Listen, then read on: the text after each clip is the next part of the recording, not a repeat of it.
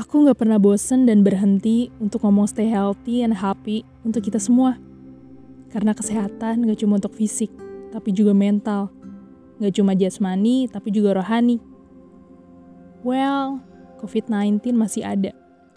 Kita juga gak akan tahu seperti ini sampai kapan waktunya. I mean, just stay at home, social distancing, dan lainnya. Padahal jujur rasanya kangen banget ketemu orang banyak tanpa harus jaga jarak. Asli deh, rasanya pengen banget melukin satu persatu.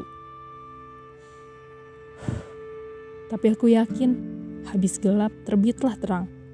Pasti kita akan nemuin sesuatu yang indah nantinya. Jadi sabarnya diperluas lagi ya. Gak sendirian kok, kita bareng-bareng ngadepinnya. Kita akan menemukan waktu yang tepat tanpa perlu mencarinya.